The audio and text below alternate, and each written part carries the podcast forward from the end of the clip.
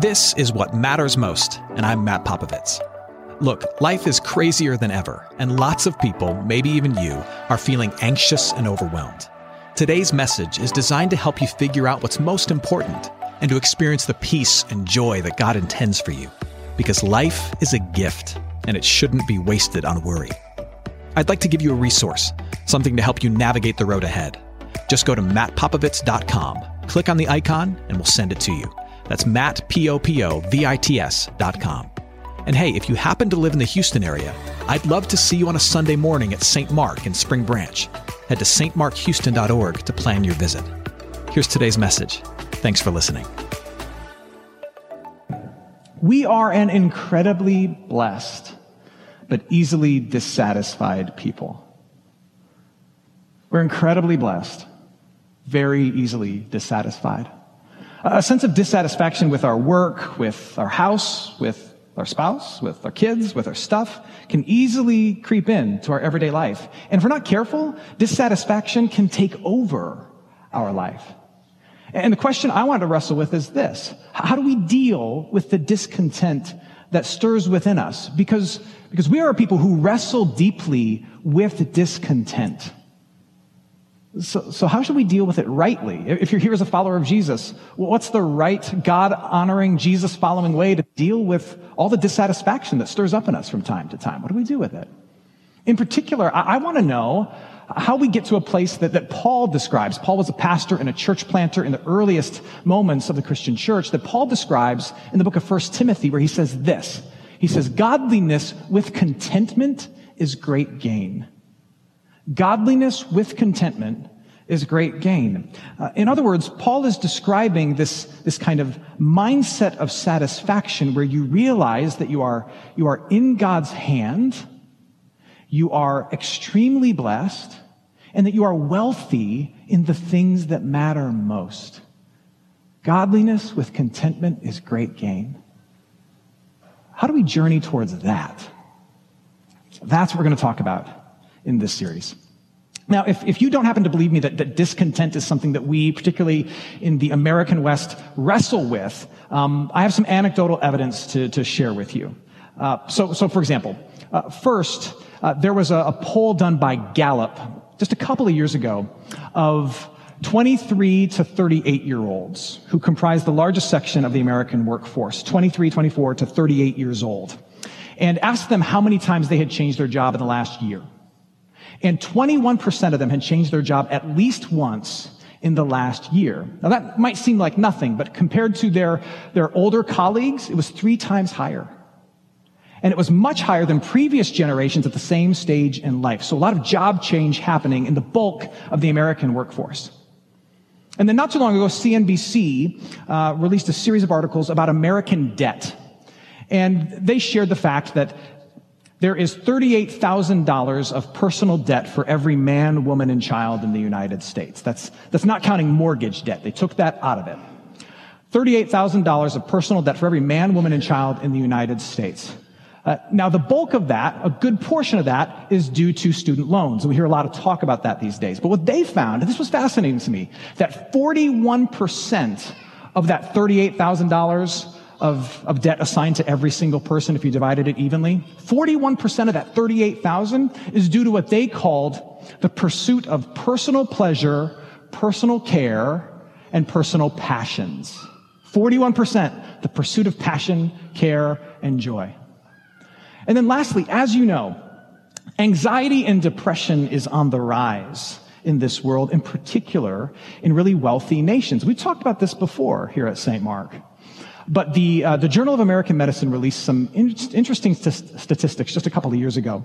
They said that in very poor nations, the poorest of nations, that 1.6% of the population could be diagnosed with clinical depression or anxiety at some point in their lifetime. 1.6% of the population in the poorest of nations.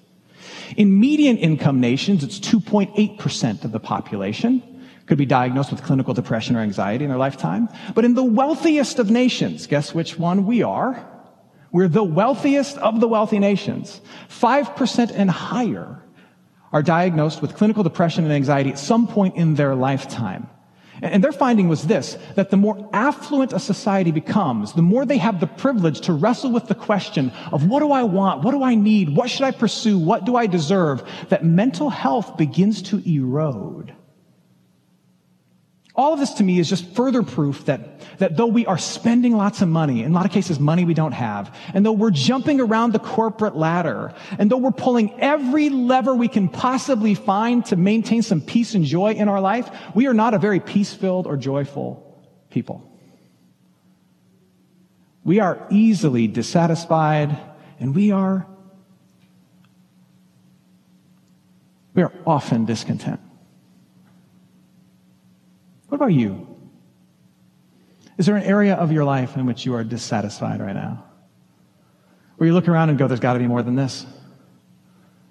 I deserve more than this. I, I, want more than this. I need more than this. Maybe I'll just upend and change all of this. Is there an area of your life in which you are wrestling with that? Now, I want to be clear. Not all discontent is bad. I'll make a broad distinction just for kind of the sake of our conversation. There is, there's a distinction between holy discontent and like unholy discontent. Let's just put it that way. Holy discontent um, is tied to the fact that inside of every single human being there is an innate sense of right and wrong that Christians would say is, is instilled in us by God. Uh, Jesus talks about it like a hunger and a thirst for things to be right, for righteousness, for things to be in step with the ways and the will of God. And we all kind of have a sense when we look out into the world and we see something that's really broken or really bad, that it's out of step with, with how the maker would want things to be. And though that sense of right and wrong is clouded by our own sin and our own struggles, it's there in each one of us. And every once in a while, when we see something horrible, some injustice, some inequity somewhere, there is this thing that stirs up inside of us that says, that's not right. This should be just. That should be equal. This should be fair. That should be fixed. They're hurting. We have to do something about it. That kind of discontent that longs to right wrongs and align them with what we know to be the will of God, that's, that's what I would say is holy discontent. It's driven by what Christians would say is divine virtue. And it often results in, in blessing for someone other than the person who's feeling discontented. They look at the world and say, this is not the way things should be. We were made for more than this. And so let me fight for justice or equality or for this person to be helped or rescued, whatever it is. It, it's that kind of holy discontent that drove Martin Luther King Jr. to fight for equal rights. There is such a thing as holy discontent. But that's not what we're talking about in this series. But we're talking about the kind of unhelpful, often unholy discontent that stirs within us. And here's, here's how I would define that. Unhelpful discontent is this. It's a sense of dissatisfaction that is divorced from a higher good. It's not really driven by things to be in line with God's will. And it's ultimately grounded in greed. It's not really driven by anything higher. It's, it's really just tied. Its sole motivation is this question of, do I deserve more and how do I get it? And it manifests itself in stuff and in work and in relationships and in how you see your body and, and everything. It manifests itself all over the place. Where do you see that kind of discontent rearing its ugly head in your life? Where?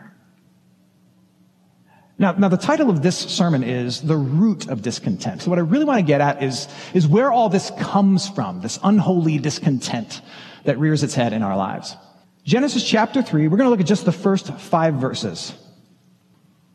Now the serpent, this is reference to Satan, was more crafty than any other beast of the field that the Lord God had made.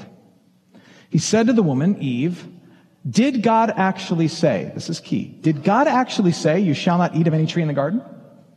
And the woman said to the serpent, we may eat of the fruit of the trees in the garden, but God said, you shall not eat of the fruit of the tree that is in the midst of the garden, neither shall you touch it lest you die. But the serpent said to the woman, you will not surely die. For God knows that when you eat of it, your eyes will be opened and you will be like God. You will be like him, knowing good and knowing evil. So Adam and Eve are our spiritual ancestors. And they are created and they enter into this world of complete perfection. Uh, they are in perfect relationship with God. They're in perfect relationship with each other and then all of creation. Uh, it's called the Garden of Eden, but one of the ways I've often referenced it is that it was a garden of yes. Where the answer to everything was yes except for one thing. There was a tree of no in the middle of the garden of yes. And in this paradise, if they wanted to climb a mountain, build a house, go for a swim, the answer was yeah, sure, have at it. Yes, yes, yes. But there was one thing that was no. And Satan, being who he is, he likes to ruin good things. He slithers in, and his goal is to disrupt this whole thing. And so what does he do? He gets them to take their focus off of all the things they do have and focus on the one thing that they don't have. And here's how he does it. He asks a question, and then he, he makes a statement. His question is this Did God really say that you couldn't do this? And then his statement is essentially this He's holding you back. Did God really say? Want to know why he said that? He's holding you back. He's holding you back from things you want, things you need, things you deserve. He's just being selfish. He doesn't want you to have more. And that, that, that question and that statement, those are the seeds planted in the soul of humanity that take root and become discon- discontent. Discontent at its heart are these two things, and we see it in Genesis 3. It is a doubt of God's goodness and a desire for more. It's a doubting of God. Can he really be trusted with your well being? And a desire for more. Someone or something is holding you back. Satan's whole desire was to get Adam and Eve wrestling with can I trust him? And what if I had more? And once those two questions took root in their heart, it then led to rebellion that led them to do the one thing God told them not to do. And then as a result, they're booted out of the Garden of Yes, out of the Garden of Eden, and their relationship with God is severed. And it's been that way ever since, which is why you and I were born into this world longing to know the one who made us, needing to know our Creator. With, as Augustine says, this, this heart that is restless until it rests in Him. And we try to cure that restlessness in all kinds of things that will not satisfy. We're born into a world where something deep inside of us knows we belong in the garden, back in relationship, but we're not. And we have that same seed planted in our heart where we are easily drawn into doubting God and desiring more and more and more. Which is why Jesus, when he shows up on the scene, he speaks to this. He, he, speaks to you and to me. He speaks to our doubting of God and our desire for more. So in, in the Gospel of Luke alone, you see two examples of this. So in Luke chapter 11, Luke chapter 11 verse 13, Jesus is speaking to your doubting of God's promises that sits inside your heart. He says, if you then who are evil know how to give good gifts to your children, how much more will the Heavenly Father give the Holy Spirit to those who ask Him? He's saying, look, you're a mess. And yet you know how to be good to your kids. God's not a mess. Do you think he's going to be good to you? Yeah. And then speaking to our constant desire for more, Jesus says, take care and be on your guard against all covetousness, just a fancy church word for needing more stuff. For one's life does not consist in the abundance of his possessions when you water those seeds of discontent, this doubting of God and this desire for more, it takes root and then it manifests itself in all kinds of destructive behavior. And, and, as a pastor, I have, I've had the heartache and the pain of having a front row seat to a lot of good people, people who are blessed, people who have a lot of things to be thankful for, just ruining their lives because they've gotten obsessed with the question of, can I really trust God with my own happiness and joy? And there's got to be something I'm missing out on that I desperately deserve. And so they take a career that is largely going well, or a family that is beautiful and a great blessing, or a spouse that loves them sacrificially and fully, or possessions that on the grand scale of things make them some of the wealthiest people in the world. And they push all those things to the side because they've convinced themselves that all those things and this thing is holding them back and they deserve something better than everything that's already in their possession. That's what doubt and desire do when they're unchecked. I hope you're enjoying today's message. For more of what matters most, you can head to mattpopovits.com. There you'll find other messages. You can support this ministry as well as access your free gift. Oh, and if you're looking for a local church and you live in Houston, come and see what's happening at St. Mark Houston. To plan your visit, head to stmarkhouston.org. Thanks for listening, and back to today's message. And, and, there's always some warning signs that you've been watering the seeds of discontent a little too much. Those seeds planted in us from Adam and Eve, doubt God, desire more. You've been watering them, indulging them a little too much. Here's the warning sign. You find that your peace is rattled and your pace is increasing. And that's Satan's great trick. Shake your peace, it's not good enough for you. Increase your pace, fix it, find something better, but produce nothing as a result. Nothing that puts your heart at ease, nothing that makes your life substantially better. In fact, it ends up doing more damage than anything else. So, what do you do? when you feel the temptation to go there and get on that treadmill of discontent? I think you have three options, okay? Only one of them is the right one, by the way. I'm to give you three. Only one is the right answer. Hint, it's the third one. So the first thing you can do when you feel the seeds of doubting God's goodness and desiring more, you can just like ignore it. And some of, some of you are really good at this. Anything you're feeling, you just push it down. I don't have feelings. They're all the way down in my feet and you just push it down and push it down and pretend it doesn't exist. But, but discontent is like cancer in this sense. Like ignoring it is not a treatment plan. You just give it space to grow and it metastasizes. So, so you can ignore it, but understand it's not going anywhere. It's going to grow. Or you can just indulge it. Some people, when they feel just a hint of discontent, they, they say, that must be right. And they say yes to it and they dive right into it. So whether it's work, it's, it's their possessions, it's their relationships, they feel some discontent and they're out. They change, they, they change things right away. You probably know some people in your life who are like this. They live a very erratic existence. They always have a new career, a new car, or a new companion. Because the second they start to feel some discontent, they say that, I have to obey that, and they just indulge it completely. The, the problem with indulging discontent so much is that it causes a lot of damage to you and to others. Because change, change, even good change, always comes at a cost. Because they're constantly extracting cost from all these important places of their life. And they end up like a stunted human being. Because they've never stuck with anything or anyone long enough for it to grow and mature. Or for them to grow and mature. The last and I think the best option you have when you feel it stirring within you is to investigate it. Here's my encouragement you need to doubt your discontent. Doubt your discontent. When it starts to stir in you, when you start to think, I don't know if this relationship is everything I need it to be, or I, I don't know if this job is, is really the, the one thing I was made for. I don't know if I'm satisfied with, with, this, with this body, with this house, with this phone, whatever it is. When it starts to stir in you, investigate it, doubt it, ask some questions about it. Where is this coming from? Is, is this tied to anything divine and good and holy? Is this, is this potentially some holy discontent? Is there some injustice I'm going to address here? Some abuse I'm going to stop here? Some wrong I'm going to right here? Or is it just hollow discontent?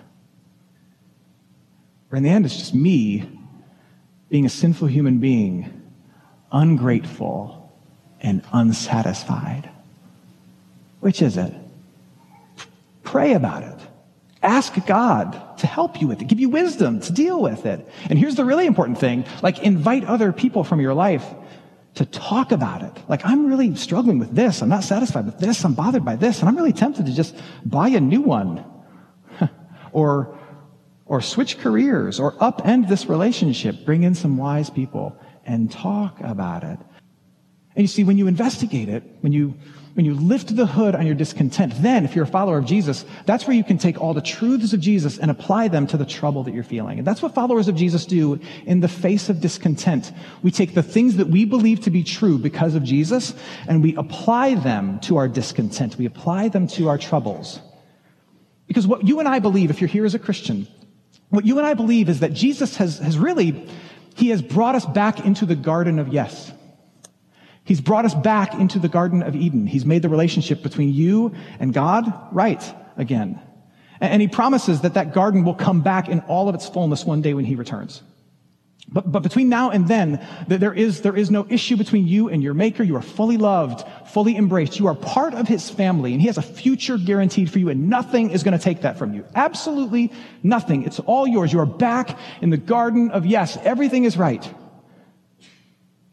And so in the face of discontent, your challenge is this, to take those truths and apply them to the trouble that you feel stirring in different areas of your life. What we do is we dig up discontent by its root and we look for doubt of God and, a, and an empty desire for more. We dig it up by its root and we attack it with the promises of Jesus.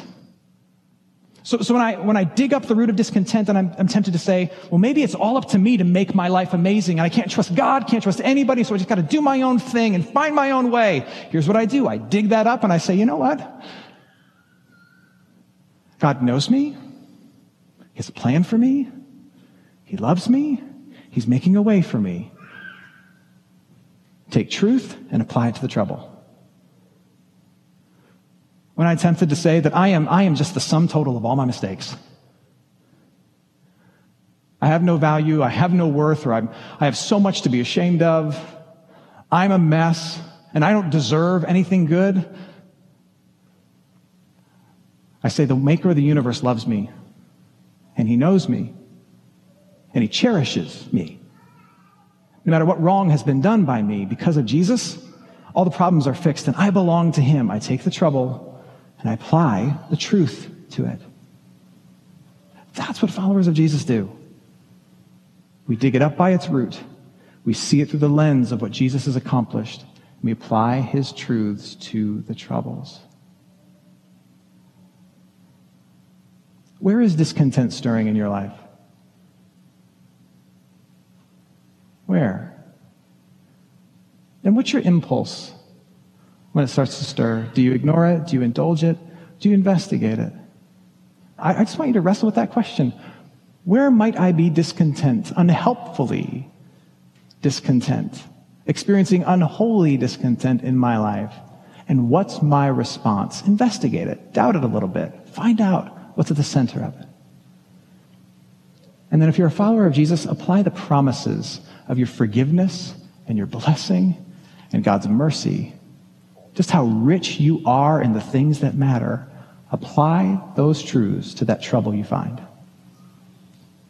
Let me end with this. Uh, this is a picture for me of, of deep spiritual contentment. If you know the story of, of, of Christian mission, you probably have heard of the, the man Hudson Taylor. Hudson Taylor is one of the most famous missionaries that's ever lived, and he started what's called the China Inland Mission, which was one of the first Christian missions to head into mainland China. And he did some really groundbreaking and really breathtaking work to evangelize the Chinese people, which no one really had done up until the point where he went into China.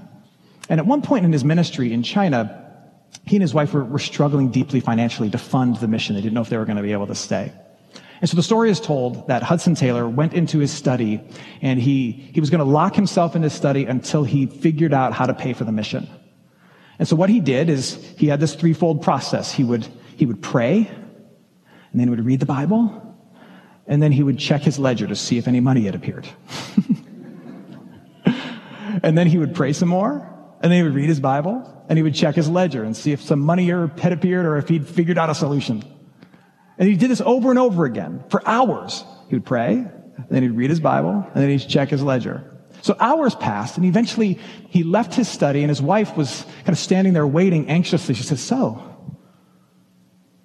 what's going to happen? And he looked at his wife and he said, My dear, we have 27 cents and all the promises of God.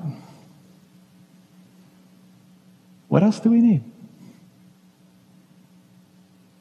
Godliness with contentment is great gain. Hey, it's Matt. I hope you enjoyed what matters most. Here's what I need you to know life is a gift, and it shouldn't be wasted on worry. I want to help you figure out what's most important and to experience the peace and joy that God intends for you. So for more content, you can head to mattpopovits.com. That's Matt. There you can also support this ministry, as well as access your free resource, a little something to help you navigate the road ahead. I'd also love to see you on a Sunday morning. If you're in the Houston area, head to stmarkhouston.org to plan your visit. In the meantime, hit me up on Instagram at mpopovits or at facebook.com slash Matt Ministries. Thanks for listening. Now go and hold tight to what matters most.